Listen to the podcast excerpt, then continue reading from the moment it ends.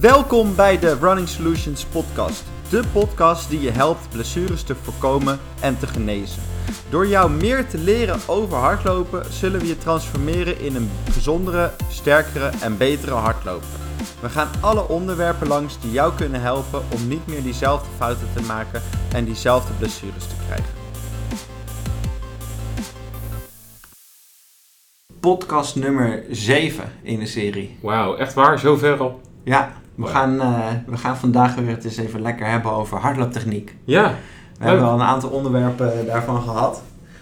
De laatste keer hebben we een uitstapje gemaakt naar sportvoeding. Dat is niet helemaal ons eh, gebied, maar wel heel interessant. Mega interessant. Veel, ge- veel van opgestoken Ja. van Ben. Ja, Ben heeft ons een hoop geleerd Ja. eh, over sportvoeding. En eh, hij zat er wel namens Martin, maar eh, had het eigenlijk over sportvoeding in het algemeen, wat Ja. echt super leerzaam was. Ja. Eh, dus luister die zeker terug als je duursport doet en je wil wat, eh, wat leren over hoe je voeding nou moet gebruiken. Eh, tijdens het sporten, maar ook omtrent het sporten.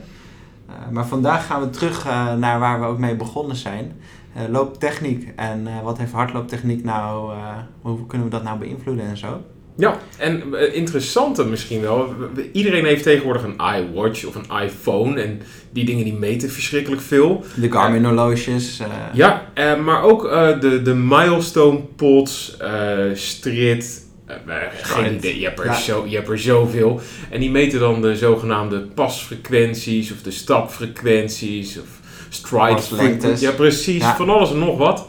En de vraag is een beetje, is superleuk dat we het hebben gemeten, maar hoe waardevol is die parameter nou daadwerkelijk? Wat kan je ermee in training? En er zijn een hoop mythes en, eh, en eh, halve onwaarheden en halve waarheden die daarover eh, de wereld in geslingerd worden door deze en gene. Ja, ik denk dat het ook, zeg maar, er is zoveel data te vinden en de meeste mensen kunnen die helemaal niet goed interpreteren. Ik bedoel, waar, hoe moet je nou weten wat goed voor jou is? En eh, dat, ja, dan moet je toch best wel de wetenschap in gaan duiken, wil je daar wat mee kunnen. Ja, en Eh, trainer-coach is ook een, niet voor niets een vak, hè? Ja, Het is gewoon ontzettend moeilijk om iemand heel goed te trainen. ja. Ja, dus we gaan het hebben over pasfrequentie. Dus eh, er zijn nog veel meer eh, onderwerpen die je zou, of dingen die je zou kunnen meten in het lopen. Maar we gaan ons vandaag echt specifiek op pasfrequentie focussen. Ja. En die andere onderwerpen komen later in de serie eh, nog wel een keertje terug. Ja. Ja, wat is nou, eh, wat is nou goed met pasfrequentie? Wat, wat moet je nou doen? Nou, laten we eerst even één groot eh, vehikel uit de weg ruimen. Die is namelijk altijd moeilijk. Ik hoor heel vaak mensen zeggen, eh, als het over pasfrequentie gaat, dat de ideale pasfrequentie, waar we het zo direct ook nog even over zullen hebben, bijvoorbeeld 100, eh, tussen de 170 en 180 passen per minuut is. Ja, je leest online, als je een beetje gaat googlen, lees je 180 passen. Ja, Dat moet je, dat moet je doen. Nou, er is nogal een belangrijke definitie ehm, die nogal een behoorlijk verschil maakt in waar je naar zit te kijken. Ja. Je hebt namelijk de pasfrequentie en je hebt de stapfrequentie. En Ja, dat, precies. dat lijkt misschien een ontzettend knullig detail, maar dat is vrij cruciaal. Want namelijk een pas, dat is één volledige cyclus van één been. Dus stel, op het moment dat jij afzet, dan zwaait jouw been naar voren, je komt op de grond terecht en dan krijg je weer die steunfase totdat je naar de afzet gaat. Dat is één volledige pas. Ja. Terwijl een stap, dat is vanaf de afzet van het ene been naar ehm, het grondcontact, de landing, van het over, tegenovergestelde been. En dan krijg je dus een heel ander getal eruit dan... eh, Een pas bestaat uit twee stappen. Dus dat wil zeggen, met het, eh, bijvoorbeeld dat magische getal dan, dat eh, op het moment dat jij 180 stappen zou kunnen, of 180 passen per minuut zou zetten, als dat daadwerkelijk zo is, wat je overal op internet leest, hè, dat zou 90 stappen. Nou, dat zou dus, nou, dan heb je eh, 360 stappen. Dat zou betekenen dat jij ongeveer over het voltooien van één pas mm, drie, vier tiende doet. Ik kan jou vertellen, zelfs Usain Bolt in zijn beste jaren haalde dat niet. Nee. Dus er is nogal een verschil. Of je haalt bijvoorbeeld 160, 170, 180 stappen per minuut. Of 60, 70, 80 passen per minuut. Ja. En wat je doorgaans ziet bij heel veel meetinstrumenten, en zo waardevol zijn ze nou, die zeggen dat jij bijvoorbeeld 180 passen per minuut hebt gelopen. Ja. Nou, dat kan helemaal niet. Nee, maar dan bedoelen ze dus eh, stappen. Maar je Ja. ziet een, eh, dat is wel eh, belangrijk voor de luisteraar, denk ik. Want die hebben waarschijnlijk wel een vorm van een meetinstrument. Dus een horloge of een mobiel of die dat dan meet.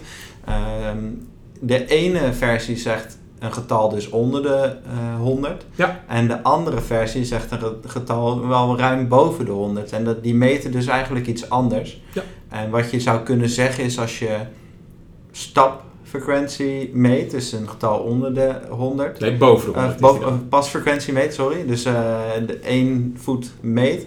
Dan zou je die keer 2 moeten doen, wil je op die stapfrequentie. Ja, min of, ja, 100 min of meer. Ja, zeker. Dus die, die data die, die je krijgt, is of hoog of laag. En dan eh, moet je dus kijken wat het dan is wat er gemeten is, of het één been is of twee benen. Maar voor die, voor die loper is het dan, zeg maar, hè, ik krijg dagelijks die geblesseerde of niet geblesseerde loper in de praktijk die zichzelf wil verbeteren. En die zegt, ja, ik, eh, ik loop eh, zoveel passen per minuut en ik lees overal dat ik die 180 moet hebben. Ja, die magische Ja. 180. Moet, moet dat wel? Ja. Is, dat, is dat wel zo goed? Ehm, je, je moet het maar net kunnen. En eh, ja, is het zo goed? We weten wel dat er een frequentie is die significant te langzaam is, waardoor je in de problemen kan komen. Waar Maar zou je dat een eh, ideaal getal, ach, het, te laag? Ja? Nou, ik denk dat als je onder de 80 passen, dus onder de 160 stappen per minuut komt, dan zijn er, dan vallen er heel veel systemen per definitie weg die ervoor zorgen dat jij op een veilige en goede manier snel kan lopen. Ja, dus dat je krachtig en stabiel genoeg bent. Ja, en dat er voldoende, eh, zoals wij dat noemen, stijfheid in het systeem zit. Dus dat jouw spieren voldoende op spanning zijn om je gewrichten goed te kunnen beschermen Ja. als ze hoog belast worden. Dus ei- eigenlijk zou je zeggen van hij moet niet per se 180 zijn, maar hij moet wel zeker hoger dan 160 zijn. Ja, zeker. Ja. Nou, nou raad ik mijn, mijn lopers vaak aan van, of de, klanten die komen aan van, hey, misschien is het wel goed om dat wat te verhogen als je, als je dus onder die 160 eh, zit. Nou, ik hou dat ongeveer ook daaraan. Eh ik vind voor mezelf bijvoorbeeld, laat ik mezelf als voorbeeld nemen, eh, ik, ik, kan aardig rennen. Eh, ik loop, Gaat loop best best, lekker. best hard. Ja. Ehm, en als ik hard loop, dus laten we zeggen snel eh, ben, eh, dus intervaltrainingen of wedstrijden, dan ligt mijn frequentie hoger dan als ik een duurloopje doe. Als ik rustig loop, ligt die frequentie wat lager. Ja. En eh, die frequentie bij mij ligt bij een duurloop tussen 165 en 170. Maar ga ik hard eh, in wedstrijden of zo, dan gaat hij richting 180. En bij korte, echt hele snelle wedstrijden, dan gaat hij nog veel hoger. Eh, dan zit ik wel eens rond de 190 eh, stappen Ja. per minuut. ja, sprinters Eh. laten zelfs 210, 230. Ja, Ja, laten Ja, dus dat is, dat is echt enorm hoog. Maar voor die, die recreatieloper is het dus eigenlijk wel belangrijk om te zeggen van nou die frequentie moet niet heel veel lager dan 160 zijn. En als hij daar wel is, zou je eraan kunnen gaan werken. Nou ja, het punt is een beetje, als je onder die befaamde 160 stappen komt, dan, eh, dan eh, dat wordt redelijk eh, ehm, ehm, ehm, gelinkt aan bijvoorbeeld eh, shinsplints, Ja, maar ook aan patellofemorale klachten, hè, knieklachten. kniepijn. Gewoon omdat er niet, die gewrichten zijn niet goed genoeg beschermd en daardoor krijg je allerlei compenserende mechanismes Ja. die, nou ja, daar word je niet beter van. Het probleem alleen is op het moment dat je je pasfrequentie of je stapfrequentie gaat opvoeren naar hoger. ehm, wat er gebeurt in het lichaam, jouw benen hebben een bepaald gewicht, een bepaalde massa. En die moet je maar mooi even naar voren brengen. Ja. En daar moet jij een zekere arbeid voor leveren. Alleen wat is nou het probleem op het moment dat je dat gaat doen? Dat kost energie. Dat kost metabole energie, zoals dat netjes heet. Je gaat gewoon harder werken om die benen naar voren te trekken, omdat Ja. het sneller moet. Met als gevolg, als jij harder moet gaan werken, dan kost dat meer energie. Dus je zal ook veel eerder zal je, eh, eh, moe worden. Je zal veel eerder uitgeput zijn. Tempo niet meer kunnen vasthouden. Ja. Dus het is heel moeilijk om zomaar te zeggen van... Oké, ik eh, loop nu misschien 155, dat is te laag. En dan zegt tegen, iemand tegen jou... Ja, je moet tussen de 170 en 180 gaan lopen. Als je dat- hoog. Als je dat in één keer gaat doen... dan sta je 30 seconden later met je, eh, met je tong op de straat. Zo simpel is het. En dan is het zelfs zo dat die loper die dat dan gaat doen, vaak ook nog eens veel sneller gaat lopen. Ja, ja want dan, eh, dan, eh, dan, eh, dan blijft de paslengte die blijft bij voorkeur het, hetzelfde. Het, ik denk dat het goed is om te benoemen dat je hebt een paslengte, dus hoe groot is je stap. Je hebt een pasfrequentie, dat is hoeveel stappen Ja. eh, of hoeveel passen maak je in een minuut. En die twee samen bepalen je snelheid. Juist. Dus de een keer de ander is snelheid. Ja, de afgelegde lengte per pas bepaalt inderdaad hoe snel je loopt. Ja, dus op het moment dat je eh, je pasfrequentie verhoogt, dus je gaat meer passen per minuut zetten, maar je houdt die afstand van die passen gelijk, dan ga je dus gewoon heel snel die benen heen en weer bewegen, terwijl je, je afstand die je daar per keer aflegt hetzelfde is, Ja. dan ga je dus sneller lopen. Ja, alleen dat is natuurlijk niet vol te houden. Nee, want als jij eh, normaal gesproken 10 per uur loopt, een uurtje, en je gaat hetzelfde doen met meer stappen, dan ga je misschien wel 15 per uur. Nou, ik ken eh, weinig mensen die zulke progressie boeken in eh, één dag.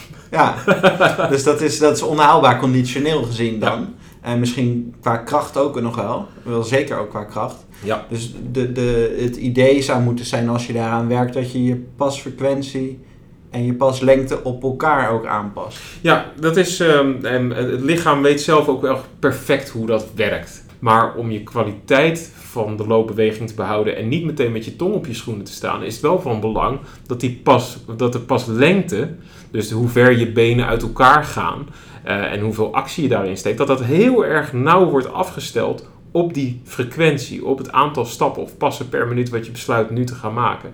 Ja. Dat is niet iets wat je 1, 2, 3 zomaar kan doen of zo. Dat is niet dat ik tegen jou zeg, ga maar 170 stappen doen en dat jij dat in één keer ongestraft kan doen. Ik denk dat het, dat het voornamelijk tijd kost. En dat je, dat je inspanning moet leveren om dat goed te kunnen. En er is absoluut ook een bepaalde manier om daar naartoe te werken. Je kan dat niet zomaar doen. Nee, wat ik meestal adviseer in de praktijk is eh, een maximale verhoging van 10% eh, ten opzichte van je eh lichaams-eigen gekozen pasfrequentie. Dus je lijf die heeft een bepaalde frequentie gekozen die je fijn vindt lopen. En als dat te laag is, dan wil je dat ver- verhogen. Ehm, ja, dan moet je niet veel meer dan 10% gaan doen. En zelfs 10% kan al aan de behoorlijk hoge kant zijn. Ja. Dus Stel je voor, jij loopt eh, 160 passen per minuut. En je wilt hem toch wat hoger hebben, ook eh, om, om welke reden dan ook. Als jij 10% gaat doen, dan moet je 16 stappen. Ja, dat is echt veel. Dat is heel veel. Ja. Dus dan, dan begin ik zelfs met een veel lager percentage. Dus tussen de 2,5 en de 10% ergens moet je uitkomen. En hoe minder stappen je per minuut maakt, hoe hoger dat percentage mag zijn. Ja. En dan, hoe train je dat dan, is best wel lastig. Dat is sterker nog, dat is niet heel lastig. Dat is echt ontzettend moeilijk. Ja, we zeiden net al van het is je snelheid en je pas, of je, je paslengte, je pasfrequentie maken je snelheid. Dus als we dan op bijvoorbeeld een loopband, daar ben ik dan wel fan van. Ik ben niet per se fan van op de loopband trainen. Eh Marcel begint nu te lachen, maar Mar- Marcel is geen fan van de loopband. En hij gaat zo uitleggen waarom. maar ik ben op zich in, in dit geval wel fan van de loopband. Want wat je kan doen met een hardloopband is, je kan je snelheid kan je vastzetten. Dus je zegt bijvoorbeeld, ik ga 10 km per uur lopen. Je zet die loopband aan, 10 km per uur. En die loopband, die loopt wel. Dus die, als jij harder gaat rennen, dan loop je er gewoon af. En als je langzamer rent, dan loop je er aan de andere kant af. Eh, dus je, je moet dat tempo gelijk hebben. En als je dan je frequentie gaat aanpassen, dan pas je automatisch ook je paslengte aan. Nou is het de, de vraag, kan je dat heel goed vertalen naar buiten hardlopen? Kijk, er is een, er is een reden en dat is even een, een beetje off-topic ten opzichte van, eh, van waar we het over hebben. Alleen, moet het wel even vertellen. Een loopband heeft een paar problemen. Het is bijvoorbeeld aangetoond dat op het moment dat mensen op een loopband gaan lopen, dat ze ongeveer 7 minuten bezig zijn met adaptatie. Kortom, met aanpassing. Ja. Ze moeten wennen aan een rare ondergrond. Het is anders, het voelt anders. En bovendien er zijn nog niet iedere fysiotherapeut of trainer of sportschool beschikt over een loopband ehm, die echt daadwerkelijk een beetje de werkelijkheid qua ondergrond en hoe de gedragingen ten opzichte van het lichaam simuleren. Ja. Heel vaak heb je loopbanden waarbij zelfs nog je been naar achteren wordt gebracht door de loopband. Dus het is wel waar dat je als je eh, het tempo vastzet op een loopband, dat je het gevoel krijgt van de frequentie. Maar het is een totaal andere perceptie die je lichaam waarneemt, die je lichaam heeft, eh, buiten als op een loopband. En een ander cruciaal punt, dat moet je echt niet onderschatten, is onze visuele waarneming van de wereld. En hoe belangrijk die is tijdens uh, beweging. Ja. Op het moment dat jij buiten loopt, dan vliegt de wereld aan je voorbij. En op basis van hoe snel die wereld aan je voorbij vliegt, kan jij ongeveer inschatten hoe hard je gaat. En je brein weet ook dat je daadwerkelijk afstand aflegt. Terwijl op een loopband is vaak nou, een gesloten omgeving om je heen. En jouw brein begrijpt daar helemaal niks van. Dus op het moment dat jij die verhoging hebt gedaan van frequentie op een loopband en jij gaat naar buiten, komt dat brein gewoon totaal in een nieuwe omgeving terecht. En de echte vertaling van het gevoel op die loopband naar buiten ga je alleen daarom al niet echt krijgen. Behalve als je doel anders is. Want ik denk dat, of ik weet dat heel veel lopers eh, tegen mij vertellen van ja, ik, ik kan dat helemaal niet. Nou, het is wel zo op het moment dat jij denkt dat je het niet kan en jij laat zien dat ze het wel kunnen, ehm, dat, ze, dat ze daarmee over een drempel worden geholpen, waardoor ze zelf het beeld creëren. Oké, kan het wel, dus dan ga ik het ook doen. Ja, en ze... ze je, ik wil niet, dus ik kan niet, of ik kan niet, dus ik wil niet. Dat is al wel echt een groot probleem in mensen mentaal. Hè? Dus op het moment dat je ah, dat bewijst, heel veel. je kan het, nou ja, dan ga je het ook wel willen. Ja, en wat dacht je van het, uh, het, het, het, feit dat uh, als jij dat gevoeld hebt, hoe zo'n frequentie voelt, dus gewoon, ma, ma, als je, maak maar eens 10% meer stappen.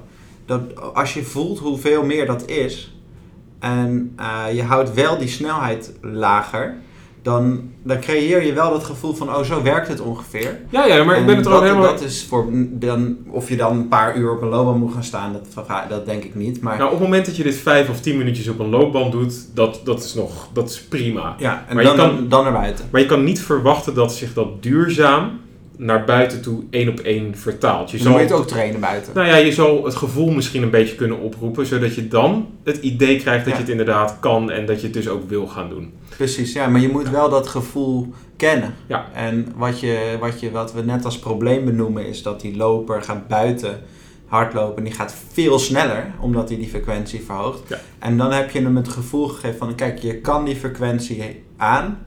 Je kan het fysiek, zonder dat je harder hoeft te lopen. Ja. En dan kan hij dat buiten misschien beter toepassen. Ja. Dus dat zou voor mij wel een reden zijn om iemand op de loopband te zetten. Sterker nog, niet. nou ja, wat het vervelende is, dat is uh, het hele leven zit natuurlijk vol tegenstellingen. En in dit geval ook, want ook al ben ik helemaal geen voorstander van loopbanden, er is nog een andere manier waarop je een poging kan doen om je pasfrequentie te verhogen. En dat is er eentje die absoluut niet kan. En dat is door op je horloge te kijken en dan te gaan proberen om in die frequentie te lopen. Ja. Dat is iets wat totaal niet werkt, niet kan. Omdat je dan zo kunstmatig te werk gaat.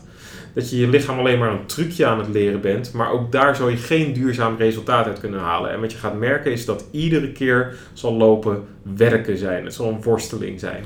Wat werkt dan wel? Nou ja, ze kunnen natuurlijk jou of mij inhuren. Ja. Dat, uh, dat werkt altijd.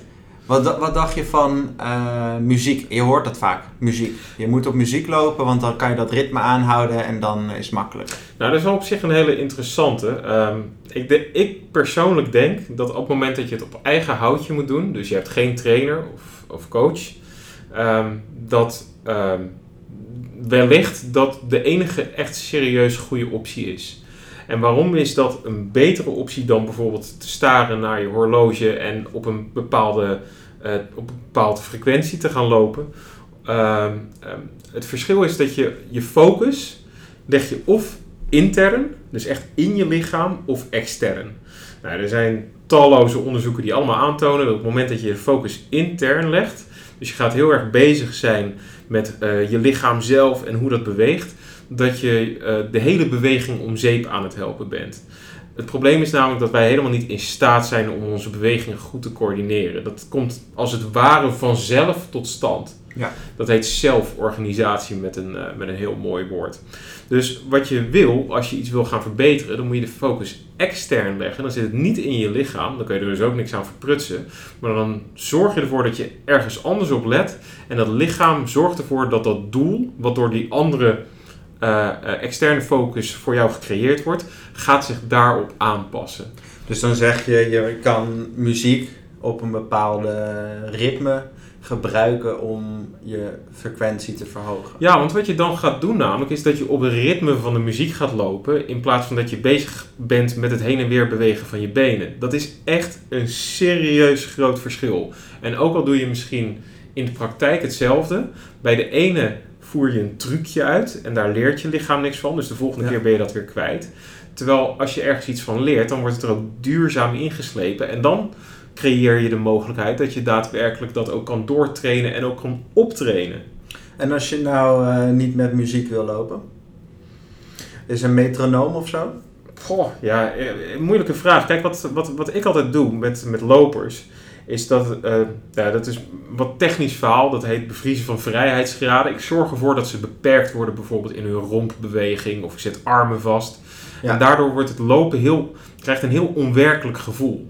Ja, omdat je niet normaal kan bewegen met je armen of je Ja, romp. En dat doe ik heel bewust, want wat je daarmee doet, is dat je het lichaam ehm, extreem in de problemen brengt. En door het in de problemen te brengen, weet het ook van, oeh, dit moet ik in de toekomst niet meer doen. Ja. Op het moment dat ik jou dan wel weer de vrijheid geeft, dan heeft dat lichaam iets geleerd en zal vervallen in dat juiste patroon wat het beste bij hem past. Als je het vaak genoeg gedaan hebt. Als je het maar vaak genoeg doet en ook blijft herhalen. Maar zou je dan ze- kunnen zeggen van... Oké, eh, ik zet een metronoom aan. Ik ben daar zelf fan van om, om een metronoom-app... Omdat je dan... Kan je dan gewoon vastzetten van... Oké, dat is het aantal stappen per minuut waar ik om en nabij wil eh, komen. Of aantal passen per minuut. En stel je voor je loopt... Je wilt naar die 165 en je zet dat aan en je hoort gewoon... Elke piep van dan moet ik stappen, dan moet ik stappen, dan moet ik stappen, dan moet ik stappen. Dan, dan kan je wel je, je gehoor en je eh, lichaamsritme op elkaar aanpassen. Ik denk dat het zeker dat het kan. Ik denk dat er wel betere opties zijn voor een metronoom. En dan is eh, toch muziek, liever met wat zwaardere bassen, is wel te prefereren. Want dat, dat herken jij zelf toch ook? Jij Ja. hebt die, eh, die drum en bass eh, altijd aanstaan als je rent. Nou, ik, ik, ik loop met muziek als ik rustig loop. Ik loop niet met muziek als ik eh, intervallen doe, omdat ik dan de focus op het lopen wil hebben en niet, niet op iets anders. Maar als ik gewoon rustig loop, vind ik het best lekker om, om een muziekje aan te hebben. En dan heb ik vaak wel hoog ritme muziek. En eh, dan ga ik ook wel wat vlotter van lopen, zeg maar. Dus als ik heel rustig wil lopen, als ik echt rustig wil lopen, dan zet ik ook hele rustige muziek aan dan. Eh, of geen muziek. Uh, maar dat, dat werkt wel, want op het moment dat je op rustige, op rustige muziek loopt, ondanks dat misschien de BPM van die muziek wel hoog is, dus de beats per minute, maar als het een rustig gevoel geeft, ga je wel rustiger lopen. Ja, eh, ben ik het helemaal mee eens. En eh, als je vooral je tempo alleen omhoog wil gooien, want daar gaat het nu om, hè, het omhoog gooien van je, sorry, niet van je tempo, van je, van je stap of van je pasfrequentie. Up-tempo muziek. eh, Uptempo muziek en bij voorkeur zit er dan wat stevige bassen erin. Ja. Dat is namelijk, dat heeft een, hele, een heel historisch component. Namelijk, eh, jij bent misschien ook wel eens een keer bij een feestje geweest waar goede eh, dancemuziek op staat of zo met flinke bassen. Of je gaat naar een rockconcert waar flink laag geluid in zit. En dat is met een hele goede reden. Want als, dat, als je bij zo'n feestje bent geweest of je bent bij zo'n concert geweest, dan kom je toch vaak een beetje euforisch of opgepompt kom je daaruit. Ja, gehyped. Ja, maar dat heeft alles te maken met dat laagfrequente geluid. Zorgde ervoor dat jij alert werd, dat je Ja. een beetje opgepompt werd, dat er al iets van, van uh, nou ja, sensatie door je aderen begon te stromen. Dat heeft er puur mee te maken dat laagfrequent geluid zorgt ervoor dat er Dus een- daar wordt adrenaline Ja. door aangemaakt. Dus En- een muziek met een bas. Juist, dus op het moment dat je dat vertaalt naar nu en je hebt een dikke bas op je oren, dan krijg je een soort van alertheid over je. Daardoor wordt er adrenaline door je aderen heen gepompt en wordt het ook veel aantrekkelijker voor je lijf, want er is immers gevaar wat wellicht op de loer ligt. Jouw lijf zal daarop reageren, waardoor het veel eenvoudiger wordt om die pasfrequentie te verhogen. Ja, dus je zou muziek kunnen gebruiken om het te trainen. Ja, zolang je die focus maar wel echt extern legt en niet gaat nadenken over het aantal passen. Op het moment dat jij bewust je aantal passen gaat tellen, eh, door naar je horloge te kijken en daar helemaal mee bezig te zijn en dat wil gaan opvoeren, dat gaat je eh, nooit en ten nimmer iets duurzaams opleveren. Maar Ja. deze methode, als je het op, eigen, eh, op je eigen manier je- zelf wil doen zonder trainer of coach, dan, dan denk ik dat het wel een manier kan zijn die je verder kan helpen. Alleen je moet dus heel goed fine-tunen. We stappen even uit de podcast en we gaan even naar de Mannen van Zoon. Want we hebben het nu over muziek. En de Mannen van Zoon is een uh, muziekgroep. Zijn met z'n tweeën. En zij maken muziek speciaal voor hardlopers. En daar gaan we het even over hebben. We hebben het net over muziek gehad. En uh, hoe muziek invloed kan hebben op je uh, hardlopen. En hoe, hoe je ritme is met lopen. Hoe je, hoe je loopt. En de Mannen van Zoon hebben daar speciaal muziek voor ontwikkeld. En uh, daar gaan we het even over hebben. Want uh, hoe zijn jullie op dat idee gekomen? Uh, ik, heb bij, ik loop bij Hardlopen Amsterdam en David de trainer wilde graag filmpjes maken voor mensen die alleen rennen ja. in de lockdownperiode. Toen heb ik meteen gezegd, nou superleuk, ik ren heel vaak in mijn eentje, volg me maar. Toen heeft hij daar een filmpje van gemaakt. En heb ik gezegd, zal ik daar dan de achtergrondmuziek voor maken? Want we, wij zijn muzikanten. Uh, en ik had toch niks te doen. Uh, en uh, dat was eigenlijk super inspirerend. om te doen, precies met het idee van... ik had op Strava even opgezocht stapfrequentie. Ja. Um, en dat gaf weer een ingang om met een BPM te werken. En er zat een spanningsboog bij, want ik liep ontspannen. Mm -hmm. En nou, al die factoren die maakten dat ik eigenlijk dat we eigenlijk uh, meteen uh, geïnspireerd raakten om dat te doen. En van het een komt het ander. Er kwamen nieuwe filmpjes, nieuwe muziek bijgemaakt. En toen gedacht, wacht eens even, wij kunnen ook die lopers eigenlijk beïnvloeden. In plaats van dat we het achteraf doen, kunnen we het ook vooraf maken. Dus eigenlijk zeg je, het doel van de muziek is de, de loper sturen in een training? Nu wel, ja, ja. inderdaad. Dus dat is, dat is een bepaalde vorm geworden eh, vanuit die aanzet vanuit Hardloop Amsterdam. Precies, dus die, die, bij die filmpjes kwamen we erachter dat het heel leuk is om van tevoren eigenlijk al te weten, we moeten aan dit BPM gaan zitten. We mhm. moeten een bepaalde spanningsboog bouwen en we moeten zorgen dat, dat, dat iemand niet nou ja, je kunt geen keiharde muziek gaan zetten onder iemand die rustig aan het rennen is. Nee, dat komt niet over. Nee, dat komt niet over. Dus we zijn gaan onderzoeken van hoe kun je, hoe kun je dat nou doen. En eenmaal gedaan hadden, toen merkten we dat het. Ik heb, het ook, ik heb er toen ook zelf op gelopen achteraf. En ja. dat dat eigenlijk super goed liep. En heel erg fijn uh, en ontspannen en intuïtief. Ja, want dus, we hadden het in de podcast hier een stukje hiervoor over dat 180 uh, beats per minuut niet per se, of stappen per minuut niet per se uh, het doel hoeft te zijn. Uh, hoe, hoe, is, hoe is dat in jullie muziek? Wat hebben jullie daarin in aangenomen? Ja, nou, we hebben in samenspraak met David eigenlijk een een training genomen die hij al getest heeft. Door met de vijf zones die uh, bekend zijn, uh, eigenlijk bijna allemaal in te, in te passen. Dus hartslagzones? Ja. Ja, precies. Ja. Zodat je niet um, continu in dezelfde pas blijft lopen. Mm -hmm. We merken ook wel nu vanuit de vraag, kijk we zijn in principe natuurlijk nog maar net begonnen. Um, dat het eerste antwoord van eigenlijk toch wel de beginner ook uh, is ja, leuk, maar ik loop een half uurtje in hetzelfde ritme. Dus daar willen we ook wel een antwoord op geven. Eigenlijk is dit een, een, een beginpunt voor ons om te zien hè, waar allemaal vraag naar is. Ja. En daar daarna te kunnen voldoen. Maar die, hard, maar die, die stapfrequentie van 180, die vertalen wij dus meteen naar... Uh, of die hebben we meteen vertaald naar, oké, dan gaan we in 90 bpm gaan we, of tenminste 180, of ik liep dan 176, dus dan ga je, neem je daar de helft van. Mm -hmm. uh, en we zitten ook nog wel eens daar nog wel ietsje onder. Ja, dus dat is ook niet een vast uh, getal eigenlijk. Nee, sterker nog, dat willen we niet. Ja. Dat, uh, ja, wat je ook ziet, als we dan verderop in de training zijn, je bent zo'n, denk ik, 20, 25 minuten verder, is het mogelijk om ook die hele puls, waar je het eigenlijk over hebt, uh, los te laten. Omdat daar loop je dan al in. Mm -hmm. En we hebben er dan voor gekozen om de soort wat meer liedje liedjes daar neer te zetten. Dus jij bent al in je zone. Ja. En dan word je uitgenodigd om vooral maar gewoon uh, je af te laten leiden. En, en, wat meer bezig te zijn met je omgeving en de muziek. Want je stap, die zit er toch al in je puls. Ja, ja. want als ik het goed... Ik heb natuurlijk op jullie muziek al gelopen. En als, je, als ik het me goed herinner... En dan is het dat jullie eigenlijk uh, beginnen met een, een relatief rustig uh, muziek. Dat je eigenlijk ontspannen gaat lopen. Want dat is Zeker. wat die muziek volgens mij bij je te wer werk stelt of zo. Absoluut. En voor la later in de, in de tijd gaat het wat opzwepender, gaat het wat, wat harder. Uh, en dan lijkt het alsof je ritme dan ook vanzelf omhoog gaat. Ja, het is, uh, we, we, hebben de, die training samen. We hebben eigenlijk. We, dus we hadden het idee van uh, die filmpjes, dat werkt heel goed. Materiaal was in de basis was er een begin. Toen hebben we gedacht, oké, okay, we gaan een album maken. Dat doen we op basis van een, hard, een gemiddelde hardlooptraining voor een nou, half gevorderde loper. Ja. Dus je start met een warming-up.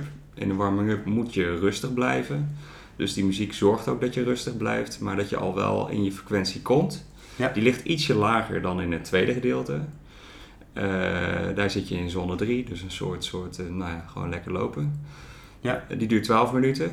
Um, hoe hou je 12 minuten interessant? Dat is door, door, door we hebben eigenlijk drie nummers in dat, in dat blokje verwerkt.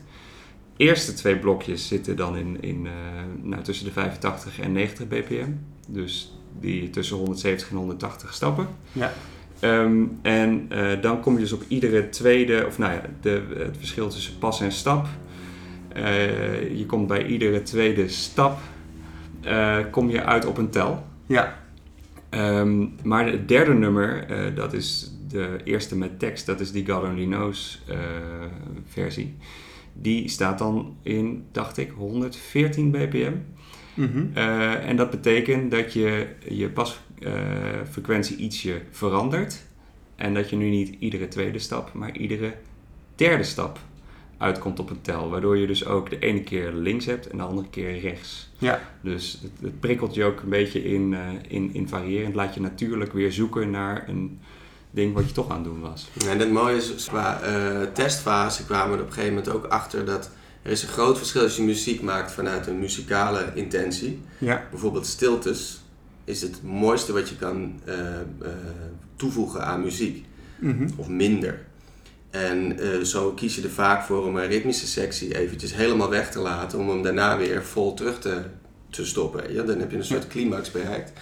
Toen gingen we het testen en in onze testfase kwamen heel veel mensen terug. Die zeggen, ja oké, okay, leuk om naar te luisteren vreselijk om op te moeten lopen. Want mijn hele puls is eruit gehaald. Ja, ja. Dus dat zijn leuke dingen dat je als muzikant erachter komt dat je nou, nu met zo'n specifiek vraag, hè, een product echt bezig bent, heel anders moet voldoen aan de vraag en bepaalde trucjes moet toepassen om ook muzikaal wel dezelfde suspense te kunnen blijven toekennen aan je muziek, maar dan op een andere manier. Zeg, een, een shakertje voeg je toe en de, de, de lage drums laat je even weg. Ja. Dan heb je muzikaal gezien toch je uh, lagere punt qua um, Break, breakdown-achtig iets, ja. een breakdown toegevoegd. Ja. Maar je zorgt er wel voor dat de loper uh, zijn puls blijft kennen. En zeker Ja. als het een soort van uh, complexere methode wordt, wat, wat Florian net uitlegt over het verschil tussen je links en rechts. Ja, dan moet je wel ergens nog je basis kunnen kennen. Ja, exact. Dus, dus, dus eigenlijk is het dat je als loper, als je die muziek gaat luisteren uh, en, je, je gaat dan daarop lopen, dan ben je plus minus 40 minuten bezig. 48. 48. nou, en dan, dan heb je eigenlijk heb je al een soort intervaltraining gehad zonder dat je per se van tevoren hebt gehoord ga 10 keer een kilometer hard of eh, Ja, je zit eigenlijk niet, het eh, idee is dat je inderdaad, die, die muziek, die, die is, is zo, eh, die, die laat je het gewoon doen. De- Ja. Het is intuïtief, dat is het doel. Dus er is geen stemmetje, er is, nou de uitleg die kun je wel vinden op de, op de site, als we die er eindelijk eens op zetten. Ehm, maar dus de uitleg eh, is er wel, er zitten heel veel gedachten achter, maar die vertellen we niet. Je Ja. kunt het intuïtief, ga je het vanzelf doen. Het, het intervalblokje is wat dat betreft het meest duidelijk. Dat zit in het midden. ja, Het zijn intervalletjes van eh, exact één minuut. Ehm, en tussendoor eh, zit er ook, zit natuurlijk ook een soort pauzezone 1-achtig eh, gedeelte. Maar dat spreekt zo voor zich dat je, daar heb je geen uitleg voor nodig. ja, dat ga je gewoon doen. Dat doe je vanzelf, ja. Ja. Of je, je merkt in ieder geval vanzelf wat er van je wordt gevraagd. Ja. ja, wat ik merk is als je daar dat doet, op, eh, dat je vanzelf wel voelt wat je, dat, je, dat je je aanpast. Dus eh, jullie hebben een stukje waar veel meer drum en ritme in zit. En daarbij word je vanzelf eigenlijk echt wel opgezweept om, om te gaan racen, zeg maar. Dat, eh, terwijl dat heb je in- aan het begin totaal niet. Dan ben je echt een beetje aan, het, aan het viben, zeg maar. Gewoon lekker rustig Ja, eh, lopen. Dus vet. dat, dat gaat helemaal vanzelf. Dus dat is wel top. En eigenlijk zouden we dan wel kunnen stellen, want we hadden het eh, in, in het vorige deel al over dat lopers zeg maar heel moeilijk dat kunnen sturen. En dat dat, dat dat met muziek dus beïnvloed zou kunnen worden. Uh, dus is dit eigenlijk ideaal voor die loper die niet zo goed uh, weet wat hij met zijn pasfrequentie aan moet, met zijn pasritme aan moet. En die aan het zoeken is naar hoe hij dat kan gaan trainen. En dan, dan is uh, dit een van de manieren om dat zelf je lichaam aan te leren eigenlijk. Absoluut. Het is, het is als je die muziek luistert, het, uh, gewoon veruit het meest comfortabel uh, om die, die, die tel al op te zoeken. Ja. En dat doe je eigenlijk zelfs al vanzelf. Denk je niet meer over na. Ja, precies. Plus we willen een, eigenlijk een soort um, verantwoord antwoord geven op uh, het drama wat er nu vaak gebeurt met renners die heel gemotiveerd een playlist van Slam FM opzetten. Ja.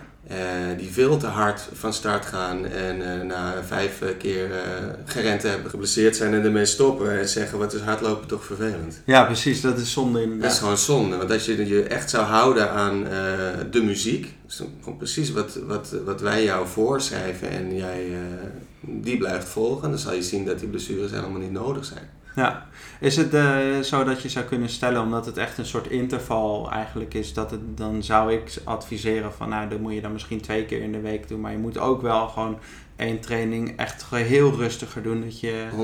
100% ja, en dat is ook wat ik net aangaf, dat we eigenlijk nu, hè, dit is een, een soort begin, een startfase voor ons om in te zien, oké, hier gaat een hele bundel van nodig zijn om uh, te kunnen bieden wat, uh, wat de renners nodig hebben, met veel meer playlists. Ja. Waarin je dan inderdaad zo'n hele week door kunt. Ja, dus, voor elke training eigenlijk een antwoord. Zeker, en we, we zijn dus ook aan het schrijven uh, al uh, aan uh, nieuwe muziek. Voor, en precies voor een lange, langere duurloop. Ja. in één, in één nou, soort van tempo zit natuurlijk uiteraard wel weer een beetje variatie in, omdat dat gewoon belangrijk is. Ja, en loopt ook het lekkerste, denk ik. precies. Dat, ja. En um, wat, wat we in die lange duurloop in ieder geval ook uh, hebben gemerkt, uh, is, dat merk je ook op het einde van het album wat we nu hebben gemaakt, is dat je soms krijg je nu geluidjes van links en soms van rechts. En soms krijg je iets met een stem, soms krijg je met een... Dus er zit, gedurende het album zit er variatie in, zodat je voortdurend eigenlijk geprikkeld blijft. En dat is eigenlijk een beetje een subdoel voor, dat, voor een duurloop. Ja. Dan heb je heel lang natuurlijk redelijk uh, vergelijkbare dingen. Hoe zorgen we ervoor dat je gemotiveerd en geactiveerd blijft uh, tot het einde van je loop. Dus, uh, dus dat, dat gaat er wel aankomen? November is op dit moment de planning. De planning, cool. Ja. Hey, en waar, waar, waar kunnen de luisteraars jullie vinden? Instagram. Alle, alle, alle grote yeah. kanalen in ieder geval voor de, yeah. voor de audio zelf. Dus de Spotify, Apple Music, die is van deze wereld. Ja. ja, en dan moeten ze zoeken op Zone, toch? Ja, Zone en dan intermediate training, dan vind je hem meteen. Ja, en Zone is met een S-O-N-E. Ja, oké. Heel goed. En wat, wat ik ga doen is, ik ga dat gewoon op de site erbij zetten, kunnen ze het lezen en uh, aanklikken. Dat is het makkelijkste, denk ik. Dus als je nu luistert en je denkt van, nou, dit is wat ik zoek, dit wil ik proberen. Uh, dan is dit denk ik, uh, kijk even op de site en, en, klik dat voor aan, want dan ga je ga je dat eens oefenen. En dan kan je, denk je dat pasritme waar we het nu al een, uh, een uur over hebben, kan je dan echt uh, gaan, uh, gaan, mee gaan spelen en leren veranderen. Dat waren de mannen van Zoon. Check dat vooral even op hun Spotify. We gaan nu weer even terug naar het gesprek tussen Marcia en mij, waar we het hebben over pasfrequentie. Wat goed, wat goed is om te benoemen, is dat er lopers zijn die, die hebben een lagere pasfrequentie. Ja. Die, die niet zo hoog, is niet zo hoog en die hebben geen probleem. Ja. Hebben geen blessures, het gaat allemaal goed. Ja. Moet je er dan wat aan mee doen? Uh, als iets goed is, dan ben ik geneigd meestal het liever niet te veranderen. Het punt is, waarom is die stap- en pasfrequentie nou zo populair geworden? Dat, is, dat heeft er met name mee te maken dat we in staat zijn geweest om kleine apparaatjes te maken die dat kunnen meten, sensoren. En dat dat commercieel verkrijgbaar is geworden. Ja. En dat is een hele, dit is een hele makkelijke manier van iets van de beweging meten.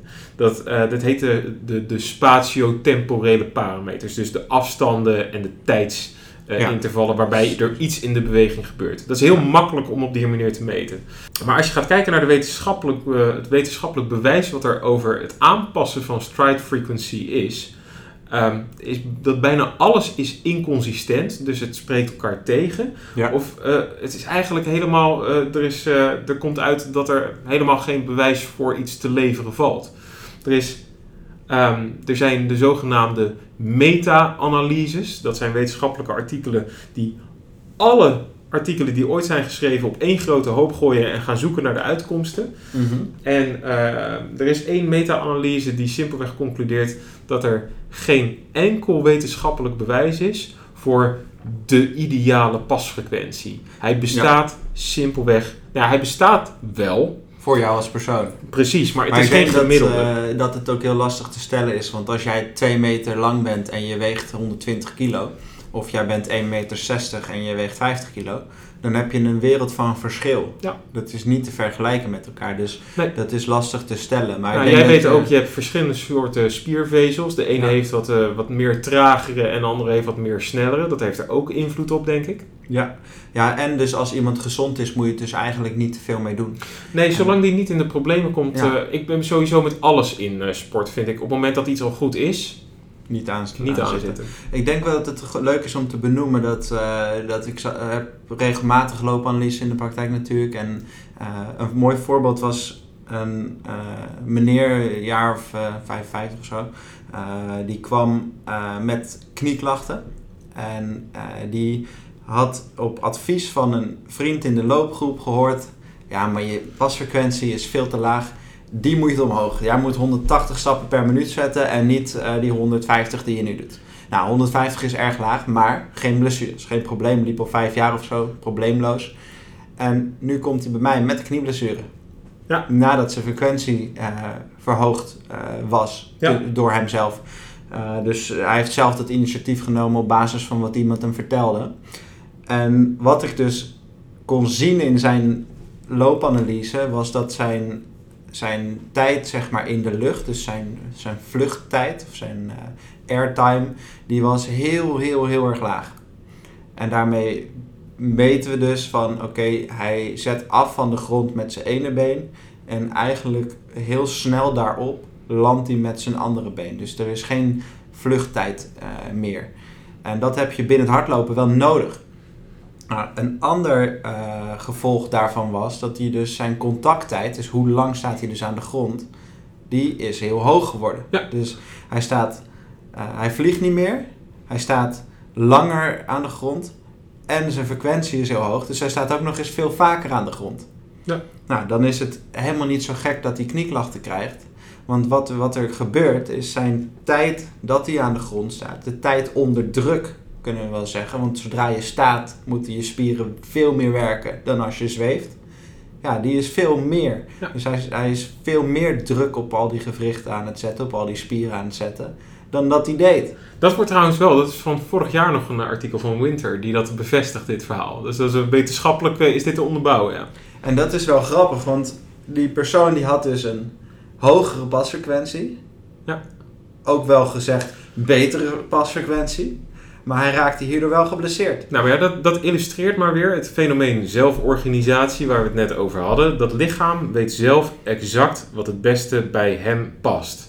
Ja. Ehm, daar Dus- moeten wij niet in gaan zitten rommelen. Zou je, zeg maar, op basis van het verhaal wat we net vertellen, dan zou je kunnen zeggen van, nou, die meneer zou dus weer een lagere pasfrequentie eh, kunnen gebruiken. Dan gaat het waarschijnlijk weer beter. Zou zomaar kunnen. was ook het advies dat Ja. heeft gewerkt.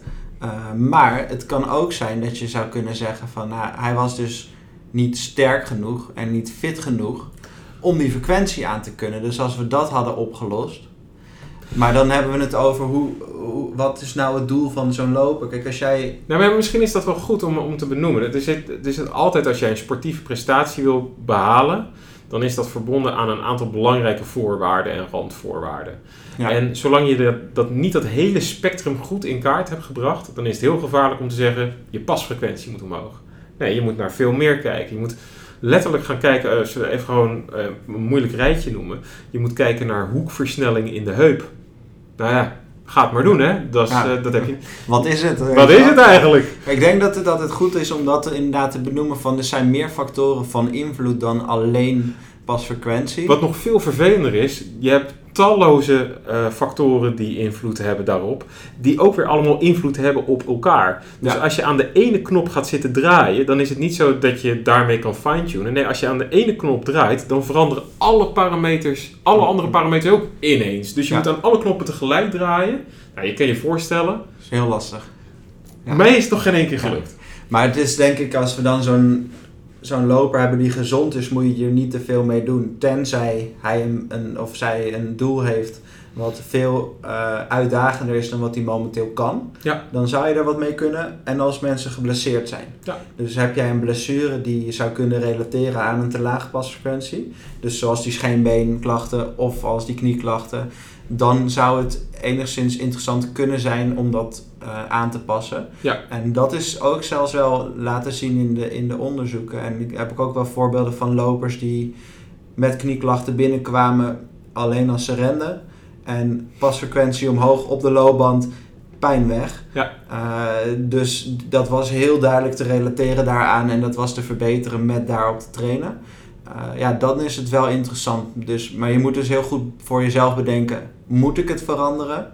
En als ik het verander, moet ik dan ook andere dingen doen om dat uh, goed te kunnen? Ja, zeker. Nou, dan zijn we er denk ik wel. Nou, het belangrijkste is dat we hieruit moeten constateren dat het geen heilige graal is. Je moet er niet al te zeer aan vasthouden. Je kan er wel een beetje mee spelen met deze parameter. Maar zoals wij dat bij, uh, bij ons bedrijf, bij Orix noemen, het is meer een parameter waarbij je iets kan controleren of dat je verbeterd bent. Of dat je iets positief hebt aangepast. Dan dat het daadwerkelijk een heel erg trainbare parameter is. Als je echt beter wil worden in lopen, is het echt heel veel interessanter om naar hele andere dingen te gaan kijken qua spierkracht en coördinatie en, en, en vooral beweeggedrag. Ja. Dan, uh, dan dat ene lullige metertje wat alleen maar zo populair is geworden, omdat het nu eenmaal makkelijk te meten is. Ja, ja mee eens. Dan, dan denk ik dat het voor degene die nog niet geluisterd heeft naar de podcast over heupstabiliteit, om dat eens even terug te luisteren. Want dat is denk ik een heel belangrijk onderwerp wat hier aan gekoppeld kan worden. Maar wat ook een van de belangrijkere parameters is om dan wel meer mee te doen. Prachtig samengevat. Top. Nou, volgende podcast gaan we het hebben over uh, voetpijn, uh, hielklachten. Hielspoor. Ja, hielspoor of fasciitis plantaris of... Uh, ja, peesplaatontstekingen, peesplaatpijn, uh, oh, man. hoe je het allemaal wil noemen. Dat is een verzamelbak van uh, zooi. We, we, gaan, we gaan daar het over hebben samen met Sharon Belt, podotherapeut. En zij weet ontzettend veel van voetklachten, van of zoltjes interessant zijn of niet. Nou, daar heeft zij ook een hele goede mening over. En daar gaan we het dus allemaal over hebben in de volgende podcast. Dus luister die vooral ook. Die komt er over een paar weken uh, aan. Bedankt voor het luisteren naar de Running Solutions podcast. Heb je vragen naar aanleiding van deze podcast of zijn er onderwerpen die jij graag besproken zou hebben in de toekomstige podcast? Laat het ons dan vooral weten. Dit kan je doen door te e-mailen naar Running Solutions of laat even een comment achter onder de Apple Podcast, uh, in Spotify of de andere podcast services waar we te vinden zijn.